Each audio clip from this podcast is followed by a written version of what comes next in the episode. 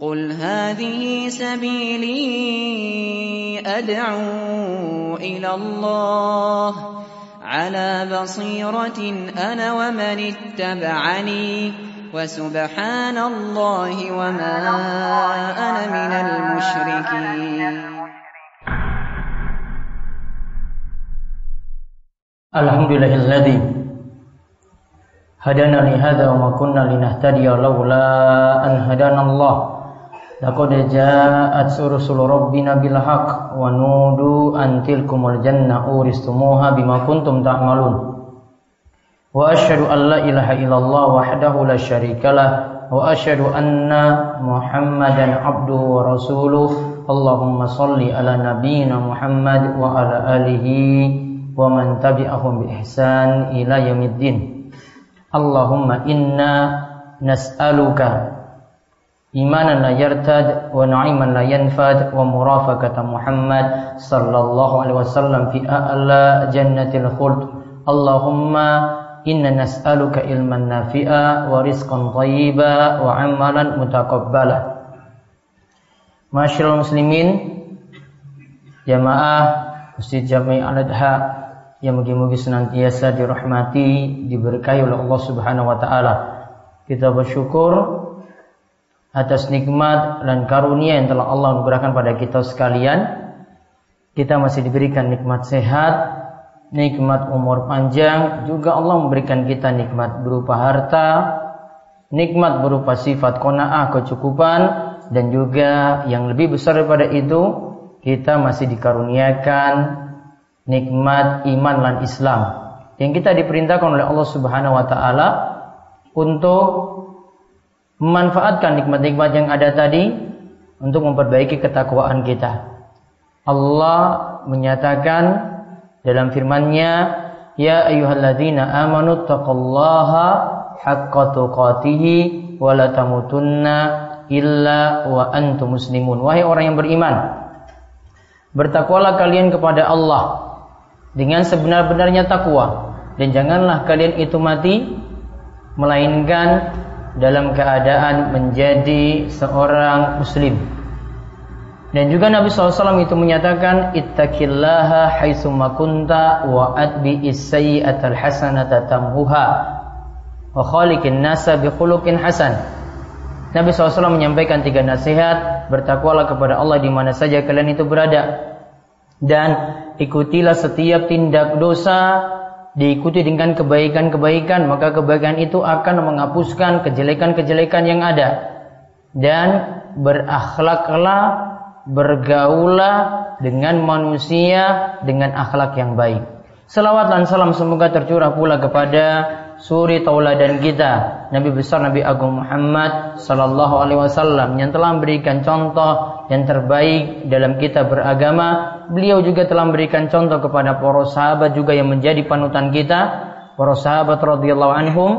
Beliau memberikan contoh cara ibadah yang benar cara bermuamalah kehidupan sehari-hari yang benar. Beliau juga mengajarkan untuk semangat dalam berbuat kebaikan semangat dalam bersodakoh dan semangat dalam hal-hal yang lainnya mulai dari dalam rumah dan di luar rumah dan mungkin-mungkin kita menjadi pengikut Nabi Muhammad SAW yang sejati yang senantiasa mengikuti tuntunan beliau hingga nantinya kita mati dalam keadaan husnul khatimah. Kesempatan kali ini ada dua kisah yang kami bawakan. Yang pertama adalah kisah seorang sahabat yang semangat untuk bersodakoh dengan harta terbaiknya yang kedua adalah kisah seorang sahabat pula yang enggak mau malas-malas untuk bekerja. Beliau menghilangkan sifat malasnya untuk bekerja. Yang pertama adalah kisah dari Abu Talha, bapak tiri dari Anas bin Malik, di mana ibunya Ummu Sulaim atau Rumaisa itu menikah lagi dengan suami yang tadi disebut yaitu bernama Abu Talha. Abu Talha ini punya kisah di mana Anas bin Malik, anak tirinya ini menyebutkan bahwasanya Abu Talha adalah orang Ansar yang paling kaya di kota Madinah. Artinya memiliki banyak harta di kota Madinah berupa kebun kurma. Dan ada kebun yang ia sangat sukai sekali namanya Bai Roha. Dia punya kebun yang sangat disukai sekali namanya Bayroha.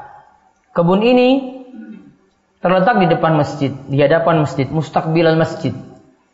Rasulullah SAW itu pernah masuk ke kebun tadi, lalu menikmati air yang ada dalam kebun tadi dan beliau merasakan begitu nikmat minuman yang ada dalam kebun tersebut. Kemudian Anas berkata, ketika turun ayat surat Ali Imran ayat 92, lan tanalul birra hatta tunfiku mimma tuhibbun. Kalian sekali-kali tidak akan mendapatkan kebajikan yang sempurna sampai kalian mau menginfakkan sebagian harta yang kalian cintai. Sampai kalian mau menginfakkan sebagian harta yang kalian cintai. Abu Talha ketika mendengar ini, dia lantas berdiri menghadap Rasulullah SAW, lantas berkata pada Rasulullah, Ya Rasulullah, saya tadi telah mendengar Allah Subhanahu wa taala itu berfirman lan tanalul hatta tunfiku mimma tuhibbun. Kamu sekali-kali tidak sampai kepada kebajikan yang sempurna sebelum kamu menafkahkan sebagian harta yang kamu cintai. Maka ketika itu Abu Talha menyatakan di hadapan Rasulullah SAW, Rasulullah, harta yang aku paling cintai itu adalah kebun Bayroha. Sungguh aku akan wakafkan kebun ini karena ingin mengharap pahala dari Allah dan mugi-mugi ini jadi simpanan nanti di akhirat. Aturlah tanah ini wahai Rasulullah sebagaimana Allah Subhanahu wa taala telah memberi petunjuk kepadamu. Lantas Rasulullah SAW itu mengatakan bah Bah ini kata Imam Nawawi istilah untuk menyatakan takzimul umur wa atau wa takbihuhu untuk menyatakan bahwasanya suatu perkara ini besar. Wah, hebat sekali kamu. Ini sungguh harta yang benar-benar beruntung. Engkau sedekahkan kebun yang terbaik. Nabi ulang lagi, ini sungguh harta yang benar-benar beruntung. Kemudian aku memang telah mendengar perkataanmu ini. Namun, kata Nabi SAW, aku berpendapat, kalau kamu punya harta tadi, baiknya engkau sodakohkan untuk kerabat-kerabatmu. Engkau sodakohkan untuk kerabat-kerabatmu. Lalu Abu Talha membaginya untuk kerabatnya dan juga anak dari pamannya. Hadis ini diriwayatkan oleh Imam Bukhari dan Muslim. Maka pelajaran apa yang bisa kita ambil di sini? Ini bagi orang yang ingin bersodakoh, maka hadis ini menunjukkan yang pertama, kita lebih utama bantu sedulur-sedulur kita yang susah daripada orang jauh. Karena di sini sampai Nabi SAW katakan, ya, engkau ini baiknya tadi wakafmu itu sebaiknya engkau kasih saja untuk keluargamu. Maka Imam Nawawi membawakan judul bab dalam kitab Syarah Sahih Muslim. Beliau membawakan judul bab bab fadlu. Bab keutamaan menafkahi dan memberi sedekah kepada kerabat, istri, anak dan orang tua walaupun mereka musyrik. Jadi untuk kerabat dekat walaupun itu belum masuk Islam misalnya, kita bantu mereka ketika mereka susah itu lebih afdal daripada orang jauh. Kemudian faedah yang lainnya lagi dari hadis ini kita dapat ambil kesimpulan juga kalau kita jalin hubungan dengan kerabat itu lebih utama di antara bentuknya adalah memberi sedekah kepada mereka. Maka akhirnya dalam kisah tadi Abu Talha kemudian memberikan kebunnya tadi kepada kerabatnya. Dia berikan kepada Ubay bin Ka'ab dan kepada Hasan bin Sabit. Dia berikan kepada Ubay bin Ka'ab dan Hasan bin Sabit menunjukkan bahwasanya ini bentuk dari kita jalin hubungan dengan sedulur-sedulur kita atau yang kita sebut dengan silaturahim. Dan Nabi SAW itu menyatakan orang yang jalin hubungan silaturahim atau kerabat, Allah itu akan memberkahi umurnya, memperpanjang umurnya, dan akan memperbanyak hartanya, memberkahi hartanya.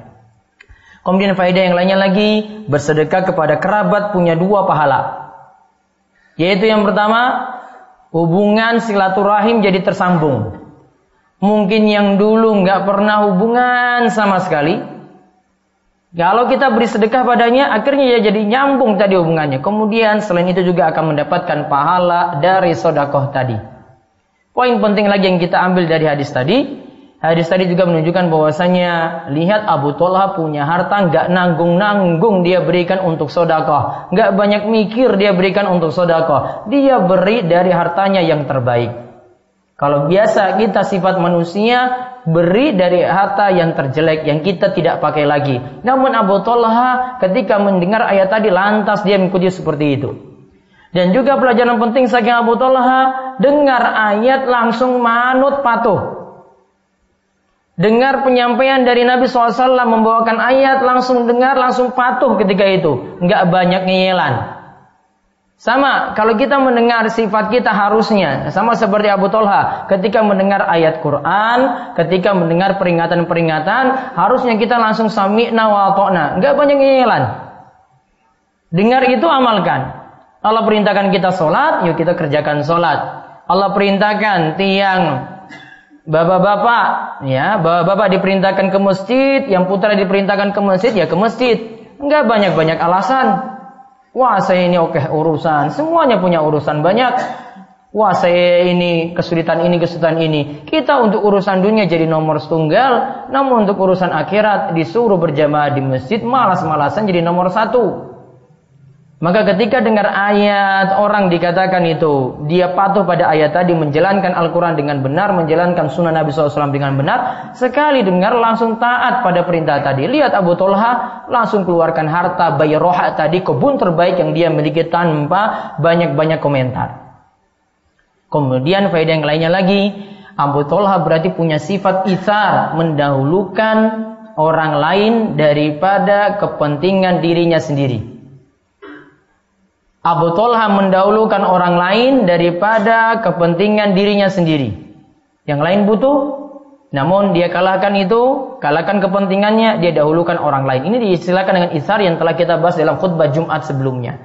Kemudian kisah yang kedua, saking Anas bin Malik. Sama dengan tadi. Anas bin Malik juga yang meriwayatkannya. Ia ceritakan tentang sahabat Abdurrahman bin Auf. Dulu saudagar kaya raya.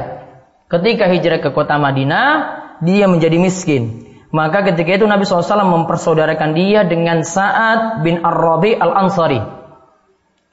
Lalu karena menaruh kasihan saat ini wong sugih, dia kemudian melihat uh, melihat Abdurrahman itu tidak punya apa-apa sampai istri pun gak ada. Maka Sa'ad bin Ar-Rabi Al-Ansari katakan kepada Abdurrahman bin Auf, "Wahai Abdurrahman, ini keluargaku dan hartaku gimana kalau kita bagi dua?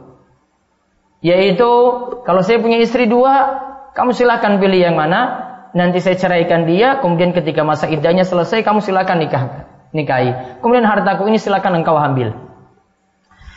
Maka ketika itu jawaban saking Abdurrahman bin Auf, dia tidak mau terima begitu saja. Ia katakan seperti ini, dia doakan kepada Sa'ad bin Ar-Rabi Al-Ansari tadi. Barakallahu laka fi ahlika wa malika dulluni ala suq. Semoga Allah memberkaimu dalam kebaikan untuk keluargamu dan hartamu tadi. Tadi kamu benar-benar baik sekali telah memberikan itu untukku. Mau memberikan itu untukku. Sekarang tunjukkan saja pasar itu ada di mana. Kemudian fama roja hatta istafsala akitan wasamnan. Ketika itu dia langsung pergi ke pasar melakukan jual beli menjual sesuatu.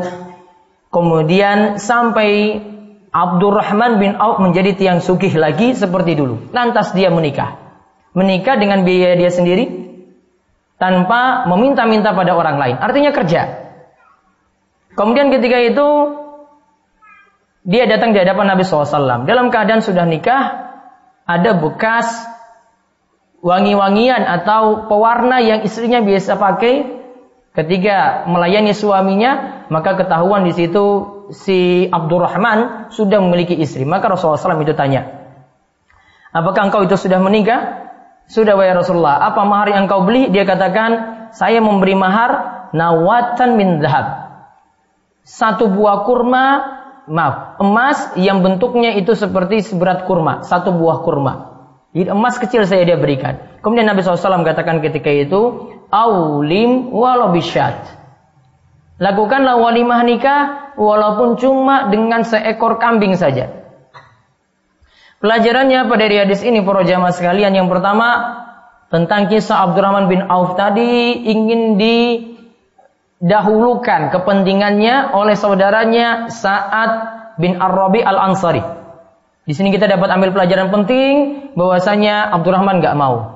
Namun sudah ada sikap baik dari saudaranya, saudaranya ini ingin mendahulukan Abdurrahman daripada dirinya sendiri. Padahal ini hartanya, ini istrinya, dia mau kasih pada orang lain. Ya, dia mau kasih pada orang lain karena ingin membantu orang yang susah. Kemudian faedah yang lainnya lagi berarti kalau di sini saja kita dianjurkan berarti dalam sodako untuk orang-orang yang butuh juga kita dianjurkan dengan harta kita yang ada.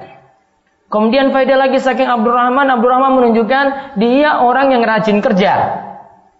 Bukan orang yang malas-malasan. Berarti kalau jadi kepala keluarga harus rajin kerja untuk menafkahi keluarganya. Bahkan itu jadi pahala bagi kita sendiri kita kerja sampai pun untuk urusan misalnya untuk kepentingan keluarga kita golek pakan sekalipun ngarit sekalipun atau buruh sekalipun semuanya itu akan mendapatkan pahala kemudian faedah yang lainnya lagi Abdurrahman itu melakukan walimah nikah yaitu dianjurkan oleh Nabi SAW walaupun cuma dengan satu ekor kambing saja dan menurut ulama syafi'iyah sebagaimana dikatakan oleh Imam Nawawi untuk mengadakan pesta nikah di sini hukumnya sunnah. Yang penting akadnya berlangsung. Ada syarat-syarat yang dipenuhi. Adapun mengadakan pestanya tadi hukumnya adalah sunnah. Pelajaran penting di sini ternyata pesta nikah di masa Nabi SAW beliau anjurkan cuma dengan satu ekor kambing saja. Tidak dengan biaya yang begitu mahal. Berarti kita dapat ambil pelajaran penting para jamaah sekalian, kalau ingin mengadakan pesta nikah, baiknya tidak terlalu boros-boros dan tidak terlalu menyusahkan diri. Karena di sini sampai Nabi SAW ajurkan dengan cara-cara yang sederhana yang tidak menyusahkan orang yang akan menempuh pernikahan. Demikian khutbah pertama ini mudah-mudahan bermanfaat. Aku qauli hadza wa astaghfirullah li wa lakum muslimin innahu was-sami'ul alim.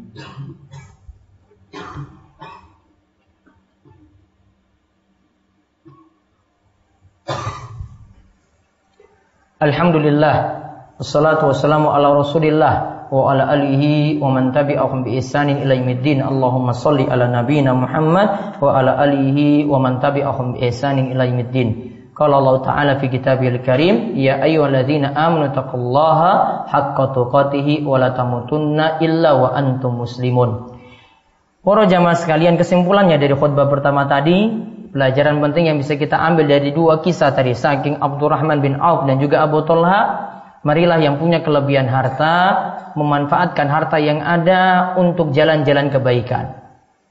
Selain dia penuhi nafkah untuk keluarga, itu yang didahulukan. Kemudian membantu orang-orang yang terdekat, mari kelebihan harta yang ada itu digunakan untuk sodako, apalagi membantu orang-orang yang susah terutama dari sedulur-sedulur kita atau dari kerabat-kerabat kita yang ada. Kemudian faedah yang lainnya lagi ditunjukkan juga dalam kisah tersebut bahwasanya orang yang punya banyak harta tidak masalah. Yang penting dia itu rajin sodakoh. Juga dalam pelajaran tadi kita dapat ambil kesimpulan juga jangan sampai malas-malas golek nafkah, malas-malas dalam kita itu bekerja. Karena orang yang bekerja sekalipun itu dapat pahala. Kalau dia malas-malasan malah mendapatkan dosa. Nabi SAW itu mengatakan, ya kafa bil mar'i isman ayyudayyi amayyakun. Cukup seorang itu dikatakan berdosa ketika dia melalaikan nafkah untuk keluarganya. Maka tolong bapak-bapak bisa memperhatikan nafkah dengan keluarga itu dengan baik memberikan sesuai dengan kemampuan, bekerja dengan serius. Mungkin-mungkin Allah melapangkan rizki yang banyak untuk yang hadir dalam kesempatan kali ini. Kemudian terakhir di akhir khutbah ini kita ingatkan untuk memperbanyak salawat pada Nabi Sallallahu Alaihi Wasallam. Siapa yang bersalawat kepada beliau sekali maka Allah akan membalas salawatnya sebanyak 10 kali. Dan juga kita ingatkan di hari Jumat yang penuh berkah ini ada waktu di mana Nabi SAW katakan itulah waktu terkabulnya doa. Mugi-mugi antara khutbah ini sampai selesai itu di antara waktu tersebut dan doa-doa kita diijabai oleh Allah Subhanahu wa taala. Innallaha malaikatahu yusholluna 'alan nabi يا أيها الذين آمنوا صلوا عليه وسلموا تسليما. اللهم صل على محمد وعلى آل محمد كما صليت على إبراهيم وعلى آل إبراهيم إنك حميد مجيد. اللهم بارك على محمد وعلى آل محمد كما باركت على إبراهيم وعلى آل إبراهيم إنك حميد مجيد. اللهم اغفر للمسلمين والمسلمات والمؤمنين والمؤمنات الأحياء منه والأموات إنك سميع قريب مجيب الدعوة اللهم اقسم لنا من خشيتك ما تحول به بيننا وبين معاسك ومن طاعتك ما تبلغنا به جنتك ومن اليقين ما تهون به علينا مصائب الدنيا اللهم ألف بين قلوبنا وأصلح ذات بيننا واهدنا سبل السلام ونجينا من الظلمات إلى النور وجنبنا الفواحش ما ظهر منها وما بطن وبارك لنا في أسماعنا وأبصارنا وقلوبنا وأزواجنا وذريتنا وتب علينا إنك أنت التواب الرحيم وجعلنا شاكرنا لنعمتك مسنين بها عليك قابلين لها وأتمها علينا اللهم إنا نسألك الهدى والتقى والعفاف والغنى اللهم إنا نعوذ بك من زوال نعمتك وتحول آفيتك وفجاءة نعمتك وفجاءة نقمتك وجميع سخطك. اللهم أحسن عاقبتنا في الأمور كلها وأجرنا من خزي الدنيا وعذاب الآخرة. ربنا هب لنا من أزواجنا وذريتنا قرة أعين واجعلنا للمتقين إماما. ربنا آتنا في الدنيا حسنة وفي الآخرة حسنة وقنا عذاب النار. وصلى الله على نبينا محمد wa ala alihi washabihi ajmain. Walhamdulillahi rabbil alamin. Aqimus